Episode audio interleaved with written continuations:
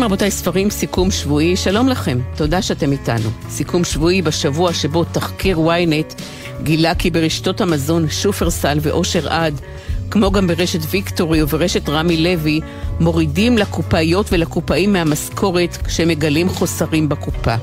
הנשים והגברים האלה, העובדים החלשים, שמשתכרים לכל היותר 30 שקל לשעה, מגלים שהורידו להם סכומים של מאות שקלים לפעמים מהמשכורת, גם כשהלקוח הוא זה שרימה, גם כשנפלה טעות אנוש ובדיקה במצלמות, הייתה יכולה לגלות את האמת. הנהלות הרשתות האלה לא בודקות את המצלמות.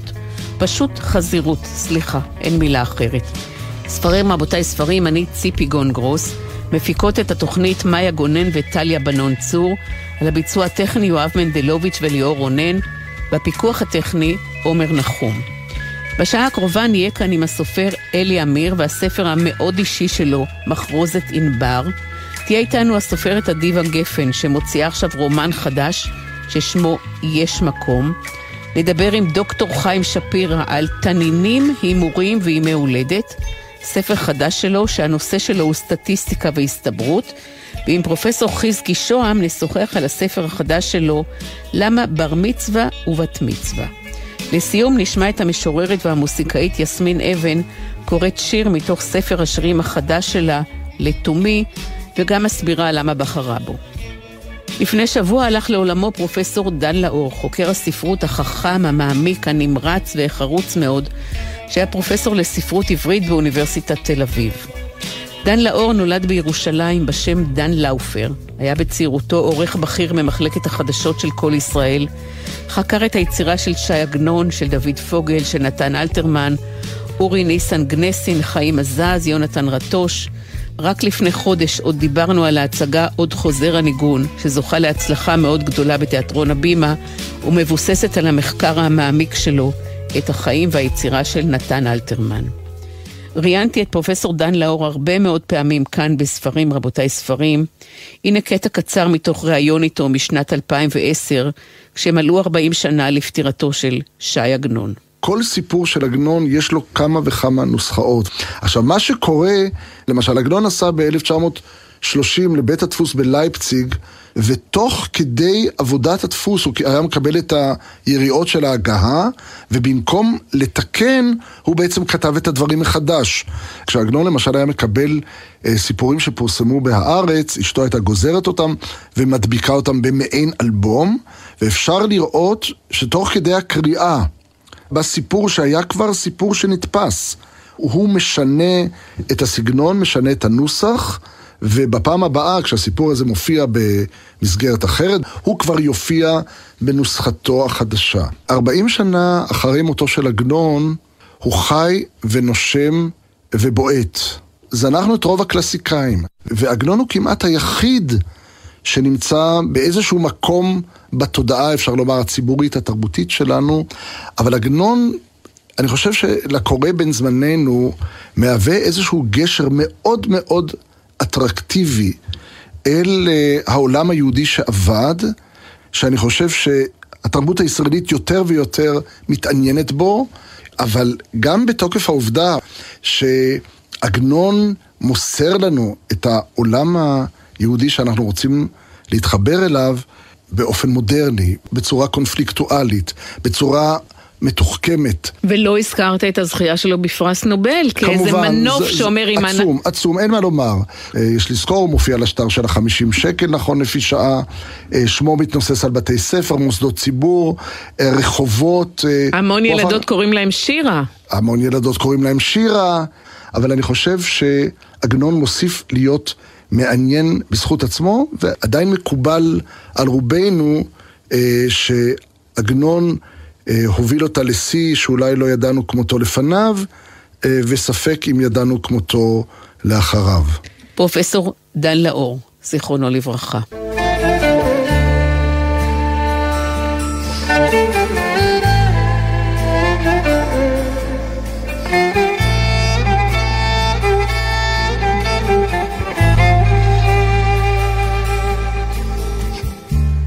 הסופר אלי אמיר נולד ב-26 בספטמבר שנת 1937 בבגדד, בשם פואד אליאס נסח חלסצ'י. עוד לפני שמלאו לו 13 שנה עלה לארץ עם הוריו. לימים היה שליח במשרד ראש הממשלה, היה יועץ לענייני ערבים במזרח ירושלים, היה מנכ"ל הפדרציה הספרדית, מנכ"ל עליית הנוער.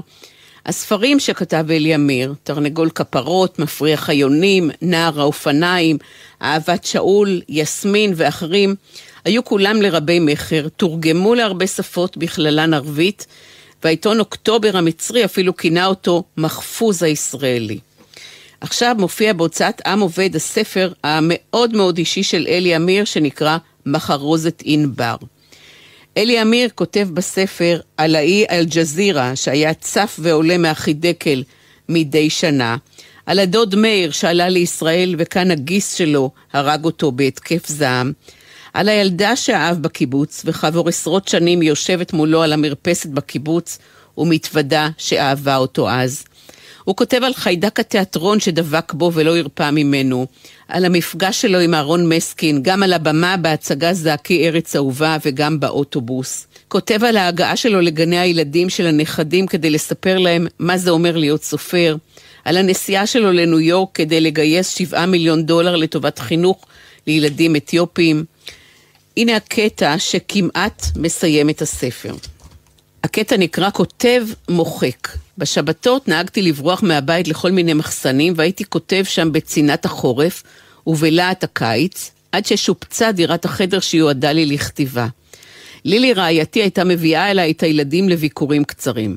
שבת אחת ישב הלל בן הארבע וחצי על הכורסה שלי בחדר העבודה, וראה שעל השולחן דפים פזורים, הרבה עפרונות מחודדים ומחקים. כעבור ימים אחדים, כששאלה הגננת שלו כל אחד מילדי הגן מה עושה אבא שלו והגיע אליו, ענה הלל, אבא שלי, סופר. תסביר לכולם מה זה סופר, ביקשה הגננת. כותב, מוחק, כותב, מוחק, ענה הלל. ולא מצאתי מאז הגדרה קולעת מזו למלאכת הכתיבה. שלום אלי אמיר. שלום וברכה, ציפי. כן, זה תמיד, אה, הסיפור הזה באמת מעלה בזיכרונות נפלאים, ככה, כמו שאני סיפרתי אותו. והכתיבה שלך בספר הזה היא מאוד אישית, מאוד גלויה וחשופה, בלי להסתתר מאחורי גיבורים ודמויות שבראת. למה בחרת בפעם הזאת באופן הזה של הכתיבה?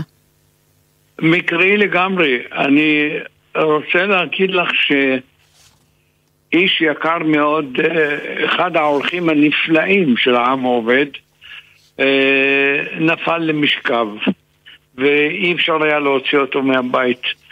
וכל יום הייתי מטלפן לו ומשפר לו סיפורים. ויום אחד סיפרתי לו סיפור מאוד מותח, והוא מפסיק אותי באמצע. אלי, אלי, אני אומר לו, חכה, עוד לא גמרתי את הסיפור, חכה, תשמע את סוף הסיפור. הוא אומר לי, אלי, אלי, תקשיב לי, את כל הסיפורים שאתה מספר לי, תכתוב. עכשיו האיש עורך רב תהילה, פרופסור לספרות, ולדברים שהוא אומר יש ערך בעיניי. אחרי יומיים עזבתי רומן שאני עכשיו משלים אותו, ובחודשים האלה אני אשלים אותו. עזבתי אותו באמצע הכתיבה, והתחלתי לכתוב את הסיפורים שסיפרתי לו למעשה. אחר כך הוספתי עליהם דברים כאלה ודברים אחרים, וזה מה שיצא. ואני מברך על המוגמר. יש לך בספר פרק שנקרא היום הארוך בחיי, בספטמבר כן, 1950. אתה מוכן לספר כן. על היום הזה? וואי וואי וואי, זה, זה פסע. זה היום שאנחנו יצאנו מעיראק. יצאנו אחר הצהריים, משהו בסביבות אה, ארבע אחרי הצהריים. אנחנו משפחה של תשע נפשות, אה, שמונה כבר היו, והתשיעי ייוולד בארץ, אימא בהיריון מתקדם, והכרכרה הזאת, שמנו בה את שלוש המזוודות ש... של הבגדים, מזוודות לא גדולות, אה, קטנות אה, ובינונית אחת, שהבגדים שעם זה יצאנו מעיראק והכל נשאר שם.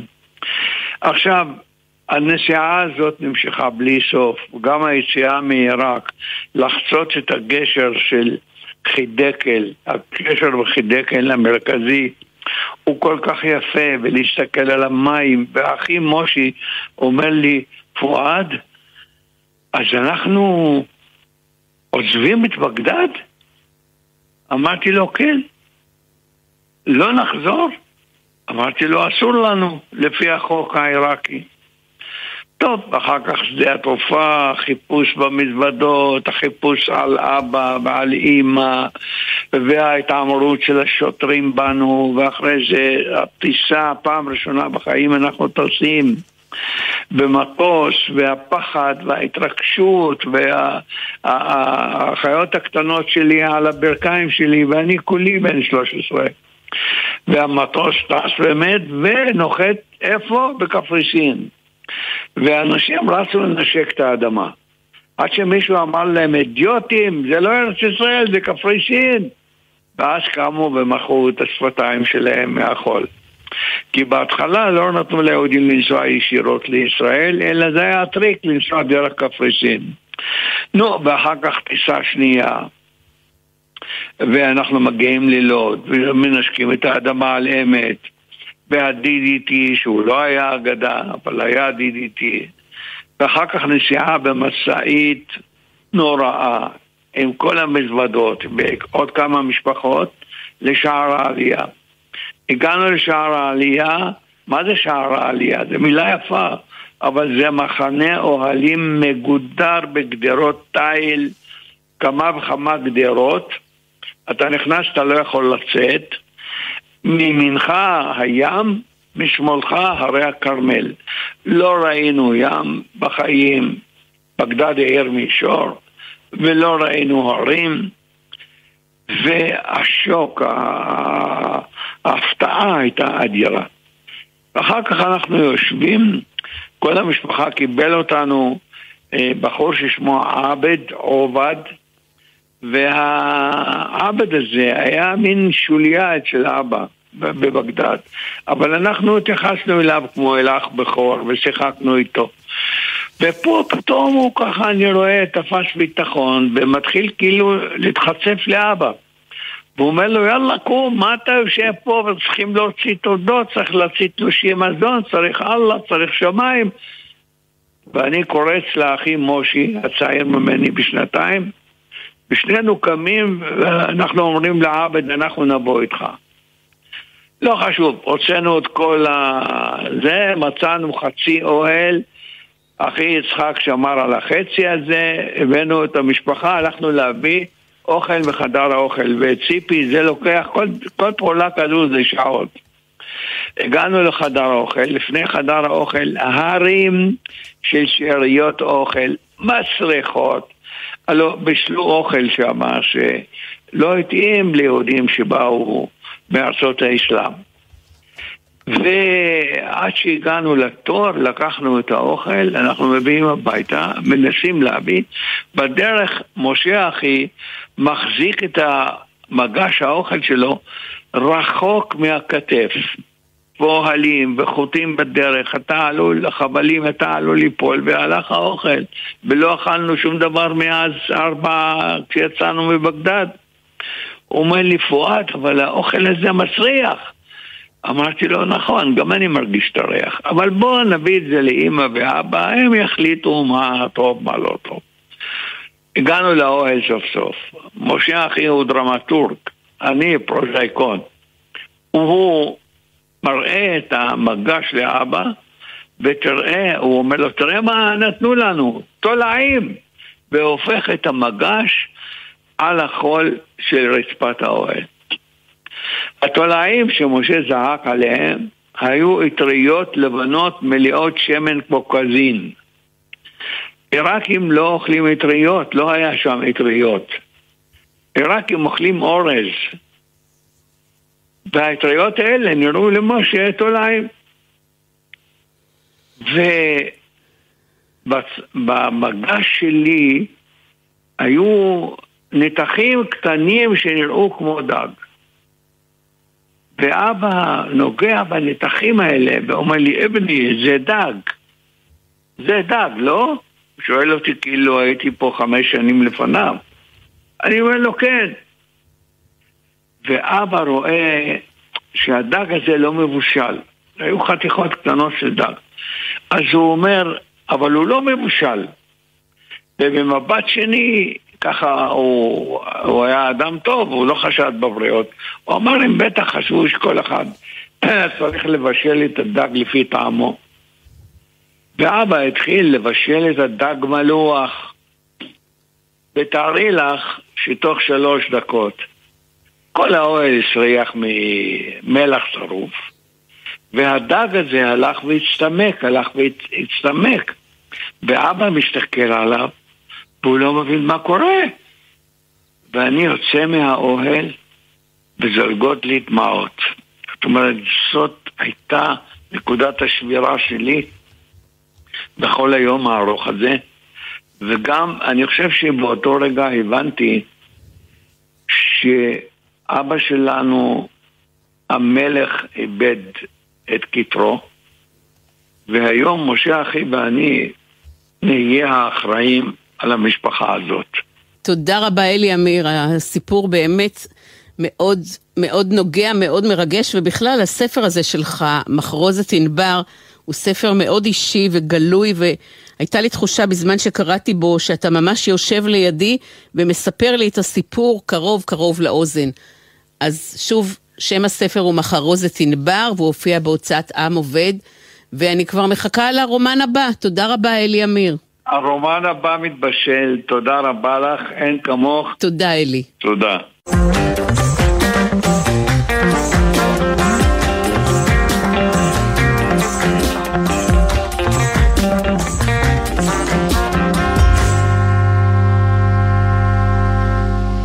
בת מצווה, בר מצווה, טקסי מעבר מילדות לבגרות, טקסי חניכה, שדומים וגם שונים מטקסי חיים יהודיים אחרים, מברית המילה, מהתספורת הראשונה, מהנישואים, מהלוויה לא עלינו. איך התגלגלו הטקסים החשובים האלה במהלך הדורות? איך הם משקפים תפיסות של ילדות, של נערות, בגרות, משפחה ויחסים? מה ההבדל בין אירוע בר המצווה לאירוע הבת מצווה? למה זורקים סוכריות על חתן הבר מצווה? למה אנחנו מדברים על בת מצווש ולא קיים בכלל המושג בר מצווש? למה בר מצווה ובת מצווה? חניכה, מגדר וראווה בתרבויות יהודיות, הוא שם הספר שחתום עליו פרופסור חזקי שוהם, ראש התוכנית לפרשנות ותרבות באוניברסיטת בר אילן, ועמית מחקר במכון שלום הרטמן. הספר הזה הופיע ממש עכשיו בהוצאת למדה של האוניברסיטה הפתוחה. שלום פרופסור חזקי שוהם. שלום ציפי. האומנם בר מצווה היא עדיין טקס חניכה בימינו? אמ, כנראה שלא. אני חושב שאם הייתי אומר לך שיש לי היום בר מצווה, אז את לא היית חושבת שאני היום עובר סטטוס או נחנך למשהו, אלא כנראה שהיית מניחה שאני הולך לאירוע ששמו בר מצווה. ובשפה היומיומית שלנו המילה בר מצווה וגם בת מצווה בעצם אה, משמשת בעיקר לאירוע ולא לטקס החניכה שכמעט לא מבצעים אותו בימינו, ואם מבצעים אותו אז הוא משהו שולי וצדדי ויכול להיות גם שלא כל כך פומבי. זאת אומרת, אם בנים שמבצעים את הטקס הדתי את יודעת, הולכים לאיזה בית כנסת בשכונה, עושים את זה כמעט בהיחווה, הייתי אומר, לא ברוב העם, לא בתור איזה משהו חשוב. אז לא, זה כנראה לא טקס חניכה, אבל השאלה היא באמת אה, למה. מה ההבדל בין טקסי זמניות, כפי שאתה כותב בספר, לטקסי חניכה או מעבר? אז זהו, אז כשאני נכנסתי לפרויקט הזה ואני שאלתי את עצמי באמת אה, למה, למה עושים בר ובת מצווה אה, בימינו, זאת אומרת, אה, זה, זה, זה מתחיל קודם כל מזה שזיהיתי איזשהו תהליך הפוך. זאת אומרת, ככל שבעידן המודרני המושג מצווה הלך ואיבד מהמשמעות שלו עבור רוב, ה, נאמר, רוב העם היהודי, דווקא טקסי החניכה שכאילו אמורים לחנוך אותנו לעולם של המצוות הפכו להיות יותר ויותר חשובים, יותר גרנדיוזיים, משקיעים בזה יותר כסף, יותר משאבים משפחתיים, אה, יותר משאבים נפשיים, אה, וגם הורחבו מבנים לבנות במקום שייעלמו כמו הרבה מסורות אחרות. מעניין ו... באמת למה הטקס הזה נשאר, הרי אנחנו מדברים כאן על כך שבר המצווה, בת המצווה, מציינים את המעבר מילדות לבגרות. אבל בחברה המודרנית, ילד או ילדה בגיל 13 הם בשום פנים ואופן לא מבוגרים, לכל היותר הם מתבגרים. בדיוק. זאת אומרת, גיל 12 ו-13 הוא לא איזה קו פרשת מים, אה, מי יודע מה. אה, במסלול החיים שלנו, וזה נראה כאילו הטקס הזה בעצם, יש בו משהו שרירותי, יש משהו שרירותי ב, ב, ב, בגיל הזה, שמקיימים בו כאילו איזה טקס שלא ברור לגמרי מה הוא מציין, יש כאלה שיגידו שהוא מציין את תחילת גיל ההתבגרות, אה, אבל עיקר העניין הוא שלמחרת הטקס הזה, הילד או הילדה וגם המשפחה, כולם ממשיכים בחייהם באותו, באותו אופן בדיוק, אותם זכויות, אותם חובות, זה לא מה שאנחנו... רגילים לחשוב עליו כטקסי חניכה שאנחנו מכירים מה, מהספרות האנתרופולוגית ומהחיים שלנו באופן כללי. כן, טקס חניכה זה אמור להיות איזה ביצוע דרמטי ומוקצן של פעילות יומיומית של קהילת המבוגרים, שמבטאת את זה שהצטרפתי לקהילה. ואני חושב שבאמת הפופולריות של בר ובת המצווה מגיעה מזה שהם טקס זמניות, המושג הזה שאמרת בהתחלה. זאת אומרת, זה בעצם קשור לעלייה של מערכת חיים, מערכת טקסי חיים חדשה כמעט לגמרי. בעידן המודרני המאוחר, זה בעצם עולה בצורה רצינית רק ממש בסוף המאה ה-19, של uh, טקסי זמניות ובראשם יום ההולדת. כלומר, ביום ההולדת, יום הולדת הוא בעצם ההפך מטקס חניכה, ובטקס חניכה צריך לבצע משימה. בתור תנאי להצטרפות לקהילה, וביום הולדת אנחנו, מה, מה אנחנו עושים בעצם? חוגגים את זה שאנחנו קיימים. וההנחה המשתמעת היא שאנחנו, יש לנו זכות להיות חברים בקהילה מעצם זה שנולדנו, לכל היותר צריך שיחלוף זמן מסוים עד שאנחנו חברים מלאים בקהילה. ואיך השתנו, פרופסור חזקי, איך השתנו טקסי כן. המעבר של הבר מצווה והבת מצווה מאז קום המדינה ועד היום? אז זהו, האמת היא שהשינוי הזה התחיל אפילו קצת קודם, כשלאט לאט ובהדרגה, ולא בתור החלטה של מישהו, זה לא קרה, זה די קרה ככה מעצמו, באופן ספונטני, התחילה יותר ויותר להיות הפרדה בין הטקס לבין האירוע החברתי. אם, בחברות יהודיות קדם מודרניות היו עושים כזה קידוש עם קצת, אה, אה, כן, אה, כיבודי, סליחה, קצת כיבוד וזה, אחרי התפילה, אז לאט לאט האירוע הזה הפך להיות גדול יותר ויותר. התחילו להפריד אותו מה, מה, מהתפילה בשבת, ו... והוא הפך להיות, הוא, הוא הפך להיות הרבה יותר ויותר, הרבה יותר, אה, סליחה, נתון להשפעתה של תרבות הצריכה.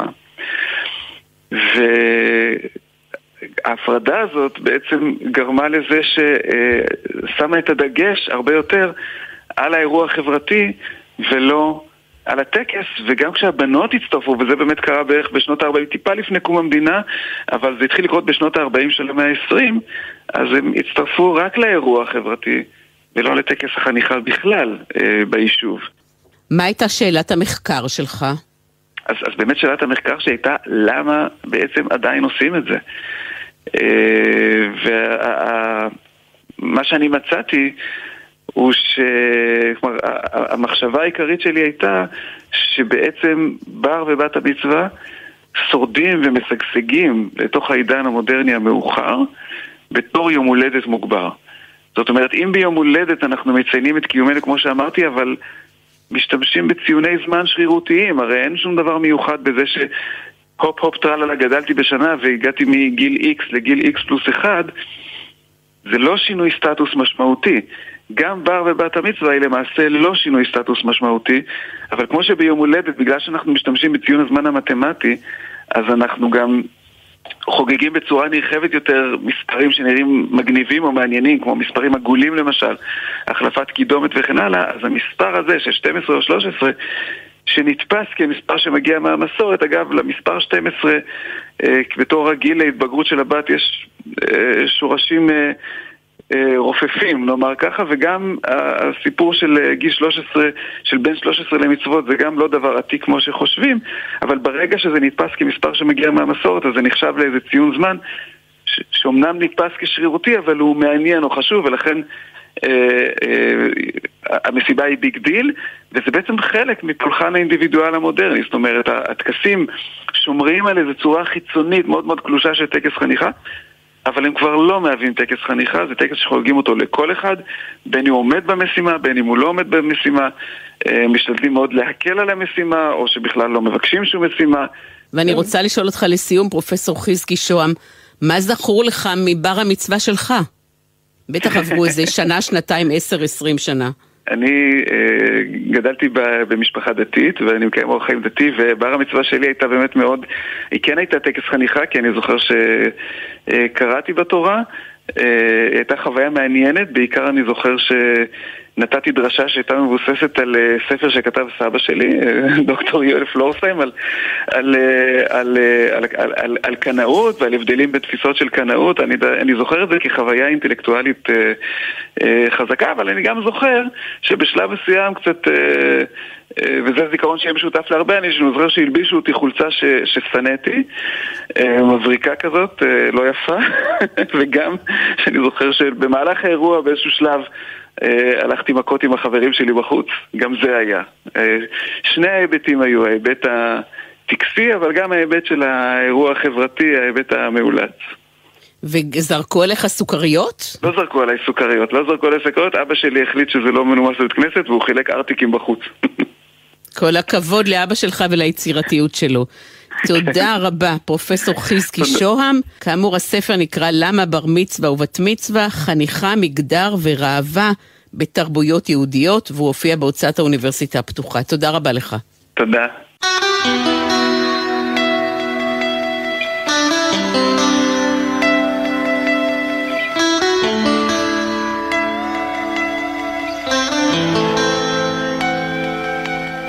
הסופרת אדיבה גפן מפרסמת עכשיו את הספר ה-21 שלה. יש מקום, הוא שם הרומן, שהופיע בהוצאת כנרת זמורה. אורי ורות הם שני הגיבורים של הרומן, ומקום ההתרחשות שלו היא העיר ירוחם. הנה כך מתחיל הפרק הראשון, זה שבו רות היא המספרת. בשעה 8.26 נולדתי מחדש. ב-8.26 יצאתי בלי להשאיר עקבות. הייתי חייבת להצליח. הפעם זה עומד לקרות. אני מחככת את כפות ידיי זו בזו, כמו מטוס שמחמם מנועים לפני שימריא, כדי לאזור אומץ, לחמם את רוחי. באי זהירות אני משננת לעצמי, באיזי, בקצב הנכון. מאז הבוקר הייתה לי הרגשה שזה יקרה הלילה. רוח קלילה שנשבה בי, הלילה ייפתח לי חלון הזדמנויות. סוף ציטוט. ורות יוצאת נעלמת אחרי שהסתירה היטב את האקדח בתוך הבגדים שלה, ולקחה איתה סכום כסף גדול. והנה כך מתחיל הפרק הראשון שבו אורי הוא המדבר. אני אוהב את הרגעים האלה, את רגעי הדממה לפני שתפרוץ המהומה, את השקט שבמסדרונות, רגעי חסד.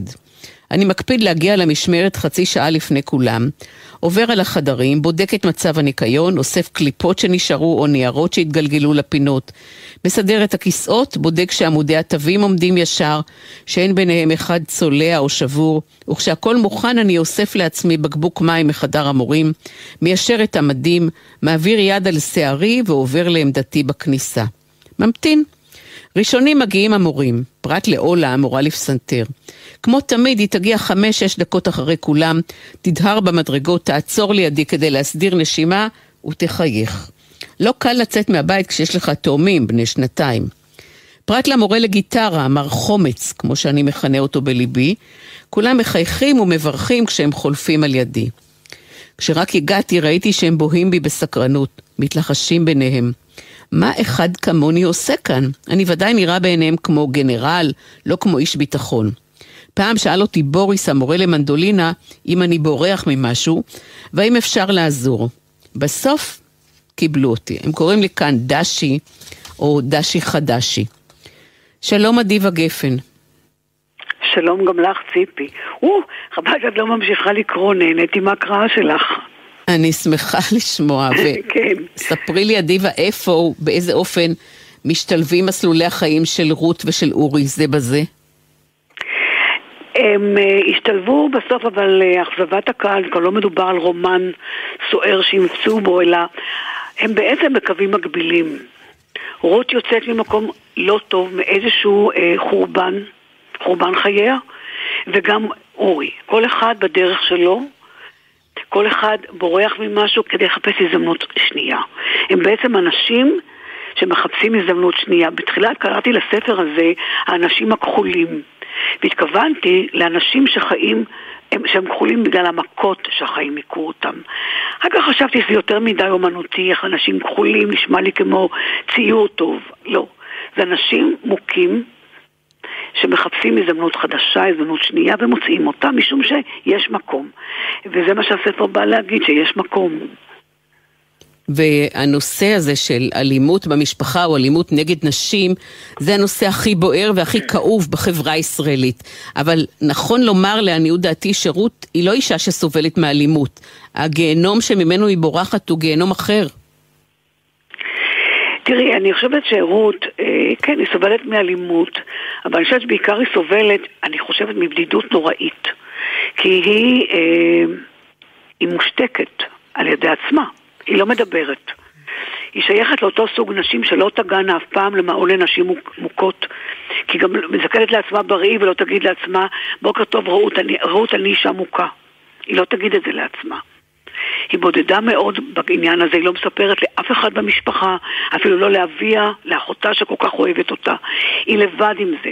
ובלבד הזה היא מבינה שאו שהיא עומדת לוותר על החיים, או שהיא לוקחת את העסק בידיים ויוצאת לדרך חדשה, וזה מה שהיא עושה.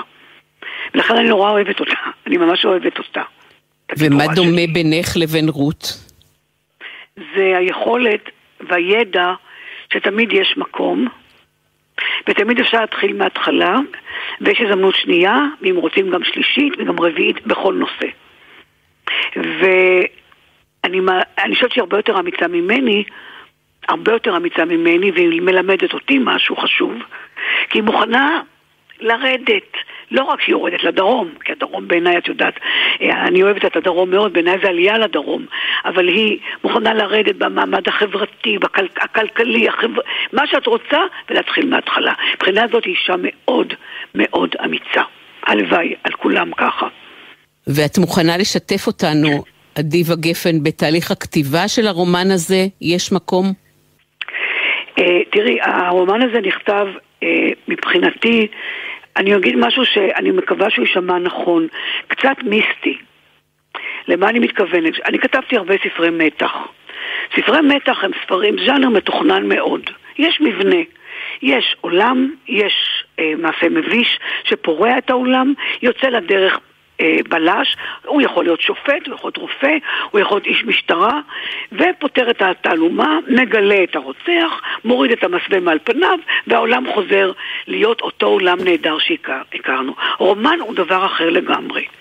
הרומן הוא רומן שצריך להקשיב. הדמות שנקראת רות, אני הקשבתי לה, לא היא לי. כשהייתי הולכת לישון ידעתי שאני הולכת לבלות איתה, וכשלא בילינו הבנתי שאני במבוי סתום. היא, לימד, היא הראתה לי את הדרך, ולא אני לה, כמו בספר מתח. מבחינה זאת עברתי חוויה, אה, אני מוכרחה לומר לך, מאוד מרגשת.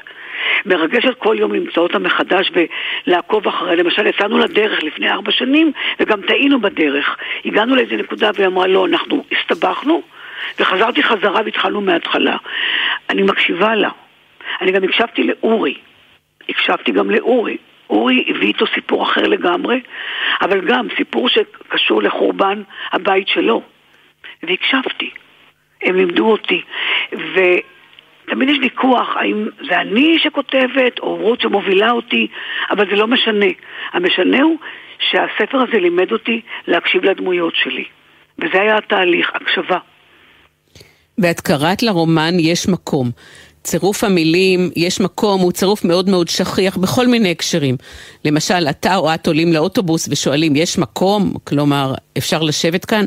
פסיכולוגים אוהבים מאוד לדבר על המקום הפנימי, המקום העמוק, המקום הלא מודע, שבו אתה או את מנהלים עדיין את החשבונות עם ההורים.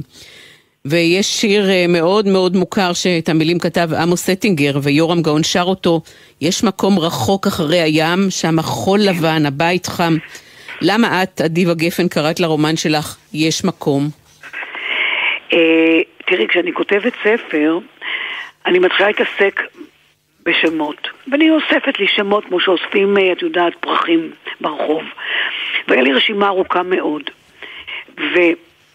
יום אחד ידעתי שלספר קוראים יש מקום. עכשיו תראי, זה באמת כמו שאת אמרת, יש מקום? יש מקום. אולי יש מקום, אולי יהיה מקום. אני, אני חשבתי שהספר הזה, יש מקום מביא משהו מאוד אופטימי. כן, יש מקום. ולכן גם הציור הזה, שמצאנו אותו, ציור דרך אגב שהצייר נתן לנו להשתמש בו, מישה רפופורט נתן לנו להשתמש בו, נורא דיבר על מה שאני חשבתי. היא יושבת, מסתכלת לאופק ויודעת, יש מקום. ואני חושבת, וזה לגבי מה הוביל אותי לספר הזה, יש מקום אם אנחנו נדע לחפש אותו, כי כשנגיע נדע, כי הוא ישנו. ולא צריך לפחד.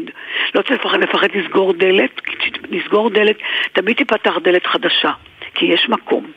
ומבחינתי, אה, זה ספר על גאולה, זה ספר על פיוס, זה ספר על אפשרות שנייה, על הזדמנות שנייה, ולכן יש מקום, באמת עונה לי על הדבר שחיפשתי. כן, יש מקום.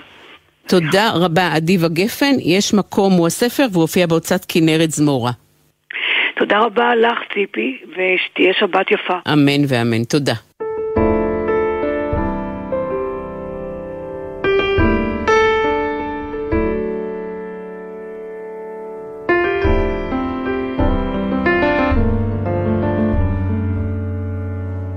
נדבר עכשיו על סטטיסטיקה, הסתברות וקבלת החלטות, שהם נושאים מאוד רציניים וכבדי משקל. אף על פי כן יש המון המון בדיחות שנולדו בהשראת הסטטיסטיקה. למשל, סטודנט אחד שאל פעם את המרצה שלו, למה לא מספיק ממוצע, למה צריך גם סטיית תקן? והמרצה ענה לו שאדם שהרגליים שלו הן במי קרח והראש שלו בתוך תנור לוהט, בממוצע הוא מרגיש בסדר.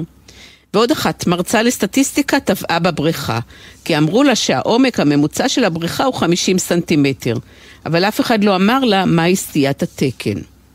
עוד בדיחה שהיא קצת פחות תקינה פוליטית, הייתי אומרת. בכיתה באוניברסיטה היו עשרה סטודנטים ועשר סטודנטיות. המרצה רצה להסביר את הנושא של הממוצע, והוא אמר שבממוצע לכל אחד בחדר יש ביצה אחת וציצי אחד. מה זה אומר עליך, הדוקטור הנכבד, שאלה אחת הסטודנטיות, בלחש כמובן. וכמובן יש הנושא המאוד מאוד ידוע ומוכר של הסטטיסטיקה והסקרים. אחד מראשי הממשלה בישראל היה מצליח מאוד בסקרים, בבחירות עצמן מצליח קצת פחות. והוא נהג לומר שעם ישראל הוא העם היחיד שאומר את האמת בסקרים ומשקר בקלפי. עכשיו מופיע בהוצאת כנרת זמורה עוד ספר של דוקטור חיים שפירא, ספר שעוסק בסטטיסטיקה ובהסתברות בחיי היומיום באופן שווה לכל נפש וכמובן עם קריצה וחיוך. תנינים, הימורים וימי הולדת הוא שם הספר. שלום דוקטור חיים שפירא. היי, שלום. אני חייב להוסיף בדיחה קצרה מתוך הספר. בבקשה. ככה התחלנו בצד מבדח. איזה סטטיסטיקאי אחד, נולדו לו זוג תאומים. הוא רץ לכומר מאוד שמח ואומר לכומר, תקשיב, נולדו לי זוג תאומים, איזה כיף, וזה הכומר אומר, נו מצוין, אנחנו נטביל אותם יחד. אומר לו הסטטיסטיקאי, לא, נטביל אחד מהם, השני ישמש קבוצת ביקורת. זו בדיחה שרק סטטיסטיקאים צוחקים ממנה, אגב. נכון, נכון. אבל זה הזמן כן. להתוודות, חיים. היה לי מאוד קשה בקורס של סטטיסטיקה והסתברות שלמדתי במאה הקודמת בחוג לפסיכולוגיה באוניברסיטת תל אביב. והמרצה שלי, פרופסור אלחנן מאיר, מנוחתו עדן, היה צריך מאוד להתאמץ כדי שאני אבין מה זאת הסתברות, מה זה רווח בר סמך, מה זה חוק המספרים הגדולים וסטיית תקן. היום כל מקום שאני מסתכלת לעברו, יש בו סטטיסטיקה. מדד העוני ומדד יוקר הבנייה ומקדם ההדבקה. מדד העושר. מדד העושר. אז אולי באלף, תסביר לנו... עושר באלף. נכון, מדד העושר. אולי תסביר לנו, דוקטור חיים שפירא, בשפה פשוטה, מה זאת סטטיסטיקה? או, הסטטיסטיקה, לא תאמיני אפילו להגדרה מה זאת סטטיסטיקה, אפילו פה לא פשוט, יש כל מיני, כל מיני דעות לכל מיני אנשים מה זה בדיוק אומר, אבל אפשר איכשהו להגדיר סטטיסטיקה שזה מין אוסף של מושגים, חוקים ושיטות אה, עבור א', איסוף נתונים, ב', ניתוח נתונים, וג', הסקת מסקנות מנתונים. אבל יש לסטטיסטיקה דבר מדהים שכבר קצת נגד בו, ומהו? זה המוזר מכל מקצועות המדע. באיזה מובן? באדם שלא למד מכניקת נוזלים או גנטיקה מולקולרית או משוואות דיפרנציאליות חלקיות, יודע שהוא לא למד והוא אף פעם לא השתמש בדברים האלה. סטטיסטיקה, גם מי שלא למד אף פעם, הכל ברור לו. יש אפילו ביטוי בעברית, מי כמוך מכירה אותו, בוא ניתן למספרים לדבר בעד עצמם. אני תמיד שואל, האם מישהו שמע פעם את שלוש מפטפט עם שבע? או חמש פורץ באיזה מונולוג? המספרים לא מדברים, סטטיסטיקה זה מקצוע קשה בצורה בלתי רגילה. יצא לי פעם במקביל ללמד משוואות דיפרנציאליות חלקיות וסטטיסטיקה. עד היום אני לא יודע מי מהם מסובך יותר, אבל אני יודע ששניהם מסובכים עד מאוד. ועדיין, לכולם יש דעה על סמך מספרים, הנה השכר הממוצע כמו שאמרת. או, תחשבי על עוד משהו בעייתי וקונטרוברסלי. מה זה אומר נשים מרוויחות פחות מגברים? איזה נשים? איזה גברים? מה הכוונה פחות? בואי נתן לך דוגמה פשוטה. תארי לעצמך, יש עשר נשים, עשרה גברים. כל אחת מן הנשים מרוויחה עשר אלף שקל בחודש, גברים, תשעה מתוכם מרוויחים שקל בחודש, ואחד מהם מאה מיליון. בממוצע גברים מרוויחים הרבה יותר מהנשים, אבל כל הגברים, כמעט 90% מתוכם, מרוויחים פחות מן האישה, אה, פחות מכל אישה שיש שם במדגם. מה זה בכלל אומר? איך משווים בין הקבוצות? עכשיו, אם את שואלת אותי, אני בעצמי לא יודע. כלומר, אני יודע, כי יש המון המון אפשרויות והמון שיטות, אבל שום דבר הוא לא פשוט. זה לא מקצוע פשוט והמספרים לא מדברים בעד עצמם. וכשאנחנו מדברים על סטטיסטיקה, דוקטור חיים שפירא, גם כשנאספים נתונים אפשר לפרש אותם בכמה וכמה דרכים. אז בוא נלך לדוגמה שאתה נותן בספר, אחת ממאות הדוגמאות אגב. אחיך הצעיר כן. יולי שפירא, הייתה לו פינה קבועה כאן בתוכנית במשך כמה שנים, ואתה מספר שהוא שאל אותך אם יש דרך סטטיסטית לקבוע מיהו הסופר הכי טוב, נניח במאה ה-20. מפה אתה תמשיך את הסיפור כדי נכון. שנבין מהן טעויות סטטיסטיות. אז זהו, כששואלים מהו הסופר נגיד הטוב ביותר, או את יודעת מה, עזבי את הסופר. בואי נלך אירוויזיון, כי זו אותה דוגמה וזה היה לא מזמן עם נועה קירל. מה שאנשים לא מבינים, שהרבה פעמים השיטה, כי זה אותו רעיון, סופרים באירוויזיון זה פשוט אותו רעיון אחד לאחד, אז אנשים יוכלו מיד לעשות אנלוגיה לעולם הספרות, אבל למשל אירוויזיון, בואי אתן דוגמה. תארי לעצמך, נמאס לכולנו שכל מדינה מדרגת עשרה שירים וכל הניקודים, נעשה את זה פשוט יותר. כל מדינה פשוט תגיד מהו השיר שהיא הכי אהבה, והשיר הזה יקבל נקודה אחת. ואז נגיד יש לנו זוכה לפי השיטה הזו. עכשיו, יכול להיות בשיטה הקודמת, יש שיר שכל המדינות דירגו אותו במקום השני, מקום שני זה נותן עשר נקודות, בדיקה שאני עשיתי זה מקנה ניצחון כמעט בכל תחרות. אבל אם אנחנו נבטל את השיטה עם הניקוד עם עשר נקודות עבור המקום השני ונספור רק את המקומות הראשונים, אז השיר הזה שאמור לזכות הוא כרגע במקום האחרון. למה הוא מקום אחרון? כי אף אחד לא דירג אותו במקום הראשון. או בעברית הכי פשוטה, השיטה קובעת את התוצאה. אגב, אותו דבר קורה גם בבחירות. מה זה דמוקרטיה? לפי איזו שיטה? מי החליט? האם בחירות יהיו ככה או אחרת? בספרי הקודם על סטטיסטיקה ותורת המשחקים, שכתבתי אותו יחד עם דוקטור גאל גלבוע פרידמן, אה, יש אה, מאוניברסיטת רייכמן היום, יש פרק שלם עד כמה השיטה קובעת מי ינצח. זה לא איזה משהו קטן, בוא נשנה את השיטה קצת, התוצאות השתנו קצת. ממש לא שם. זה מאוד מאוד חשוב, אותו דבר סופרים, אולי יש סופר שמופיע הכי הרבה פעמים במקום הראשון, נגיד סתם פרוסט, אבל מי שלא דירג את פרוסט במקום הראשון, אולי נרדם תוך כדי הקריאה בעקבות הזמן האבוד, והחליט שזה זמן אבוד, ודירג אותו מקום אחרון. אז מה נעשה? נספור את המקומות הראשונים, ניתן ניקוד על כל אה, מקום, יש כמובן עוד המון המון שיטות אחרות, ובכל שיטה, ואני מספר על זה בספר, כן, יוצא לנו גדול הסופרים אחר לגמרי, כן? אז מה נכון? שום דבר לא נכון, לא יודע, בגלל זה אני אומר סטטיסטיקה, כשאתה לומד את זה הרבה, זה מבלבל אותך המון ואתה באמת פחות יודע. אנשים שלמדו פחות יש להם ביטחון רב, כן, במספרים ובשיטות, לא לי. ונלך עכשיו להסתברות. אנחנו בעצם כולנו כל הזמן מדברים הסתברותית בלי לדעת שזאת שפה הסתברותית. הנה ביטויים לדוגמה, אין מצב, העישון מסוכן לבריאות, כדאי לך מאוד לעשות ביטוח חיים מוגדל, או נלך אל הדוגמה הכי פשוטה של הסתברות, הטלת מטבע. האם הסיכוי, דוקטור חיים שפירא, שהמטבע ייפול על עץ או על פאלי, הוא אכן שווה לחצי? ואני פותח עם השאלה הזו את רוב הקורסים שלי בהסתברות, וברור, כשאני שואל מה הסיכוי שהמטבע ייפול על uh, עץ נגיד, כל הכיתה צועקת חצי, חצי, ואז אני שואל למה. ואז כמעט כולם אומרים לי כי יש שתי אפשרויות, או עץ או פאלי, ואז אומרים לי חצי חצי, ואז אני מיד מבלבל אותם. איך אני מבלבל? אני אומר, תראו, יש עכשיו שתי אפשרויות, או שאלוויס פרסלי יחד עם בילי אייליש וחווה אלברשטיין ייכנסו לכיתה וישירו לנו הללויה של ליאונרד כהן, או שהם לא ייכנסו. אני אומר, לא הייתי מהמר על האפשרות הזו כחצי חצי, אלוויס גם קצת פחות חי, אני חושב, בימים האלה. אז מה קרה? הנה שתי אפשרויות. או ייכנסו שלושתם וישאירו לנו טריו נפלא כזה, או לא. אז זה לא הסיבה, זאת לא הסיבה שזה שתי אפשרויות, כיוון שהמון דברים. אני עכשיו חוצה את הכביש. יש שתי אפשרויות, או שמשאית תדרוס אותי או שהיא לא תדרוס אותי. אם הייתי מעריך את זה חצי חצי, לא הייתי חוצה אותו.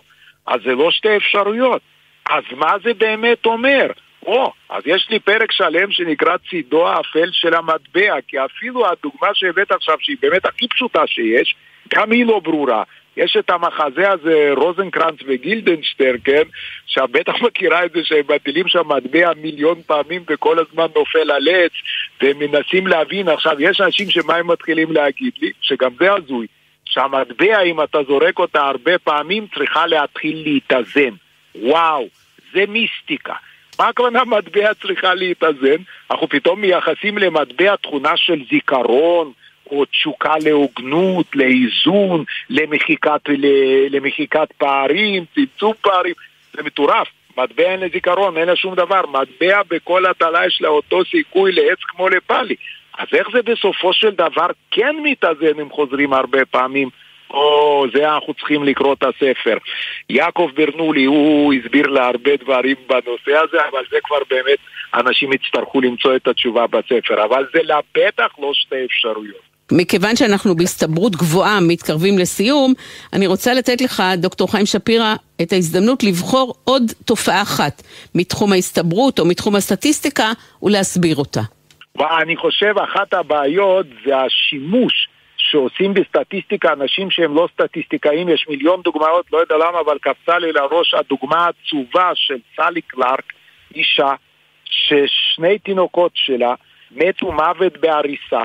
אבל חשדו שהיא הרגה אותם. בבית המשפט הופיע רופא, אפילו הגיד את שמו, סר פרופסור פיטר מדאואר, זה זה שחקר את המחלה Munchausen by proxy, והוא דיבר שטויות סטטיסטיות, שזה ברמה של שיעור שני שלי אולי בקורס, זה היה נורא, אבל אנשים האמינו לו, היא נכנסה לבית סוהר, במזל, היה מתמטיקאי ריי היל, שאיכשהו אחר כך הסביר את כל השטויות שהוא עשה, ואחרי שנים, שנים היא יצאה מבית סוהר, ואז שחררו גם עוד המון המון נשים, כולל אחת בחורה הודית טרופטי פטל שישבה על רצח שלושה תינוקות כששלושתם מתו מוות בהריסה וזה כל כך מרגיז כשבאים אנשים שזה לא התחום שלהם ופתאום מופיעים בדברים שזה חורץ גורלות אגב, אוג'י סימפסון בדיוק הפוך, יש סיפור בספר איך הוא לא נכנס לבית סוהר בגלל טעות סטטיסטית, למרות שהיה ברור שהוא חייב להיכנס.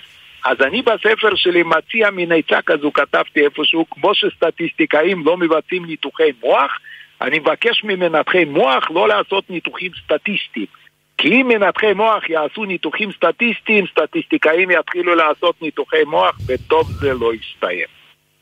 בטוח, בטוח. תודה רבה בטוח. לך, דוקטור חיים שפירא. הספר נקרא תנינים, הימורים וימי הולדת, ואפילו לי שקשה לי עם כל מקצוע שיש בו מספרים וחישובים, היה מרתק לקרוא אותו. תנינים, הימורים וימי הולדת. תודה רבה לך, כל טוב.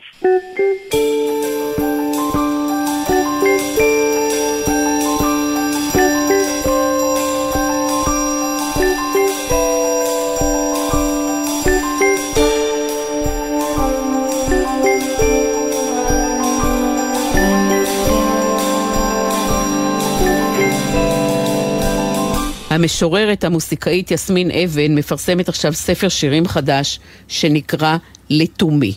הנה יסמין אבן קוראת שיר מתוך הספר ומסבירה למה בחרה דווקא את השיר הזה. כתם אחד, וכתם אחד לעולם לא יורד.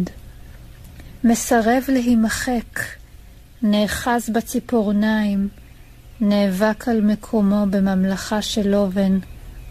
כתם אחד מתעקש על קיומו, במרחב המסודר, האחיד, הנקי עד כאב, נלחם על נראותו, על אוויר לנשימה, בינות כל התואר הזה.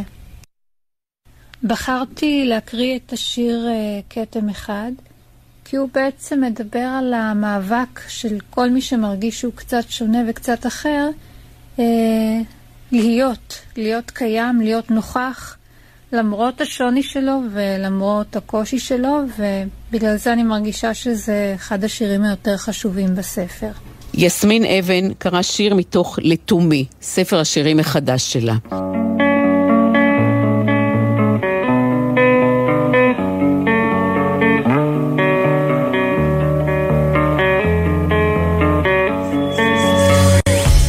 רבותיי ספרים, עד כאן התוכנית להיום. תודה לאדיבה גפן, לדוקטור חיים שפירא, לפרופסור חזקי שוהם ולאלי אמיר. ספרים, גון גרוס 1, כרוכי ג'ימל נקודה קום. אני חוזרת ספרים, גון גרוס 1, כרוכי ג'ימל נקודה קום. יכתוב את המייל לתגובות שלכם. באתר גלי צה"ל וגם ביישומון אפשר להזין שוב לתוכנית, ודף הפייסבוק שלנו, ספרים רבותיי ספרים בגלי צה"ל, מחכה ללייק שלכם. הפיקו את התוכנית היום טליה בנון צור ומאיה גונן, על הביצוע הטכני יואב מנדלוביץ' וליאור רונן, בפיקוח הטכני עומר נחום. המלצה קצרה לסיום, עוגיות התמרים של ננה ג'ולייט, ספר ילדים מקסים שכתבה ענת לב אדלר. יש שתי גיבורות לסיפור הזה, גלי, ילדה בת זמננו, שמתבקשת להביא לבית הספר מאכל במסגרת היום של מאכלי העדות, וסבתא רבתא שלה, ננה ג'ולייט, שהייתה אופה בעיראק עוגיות תמרים מעולות.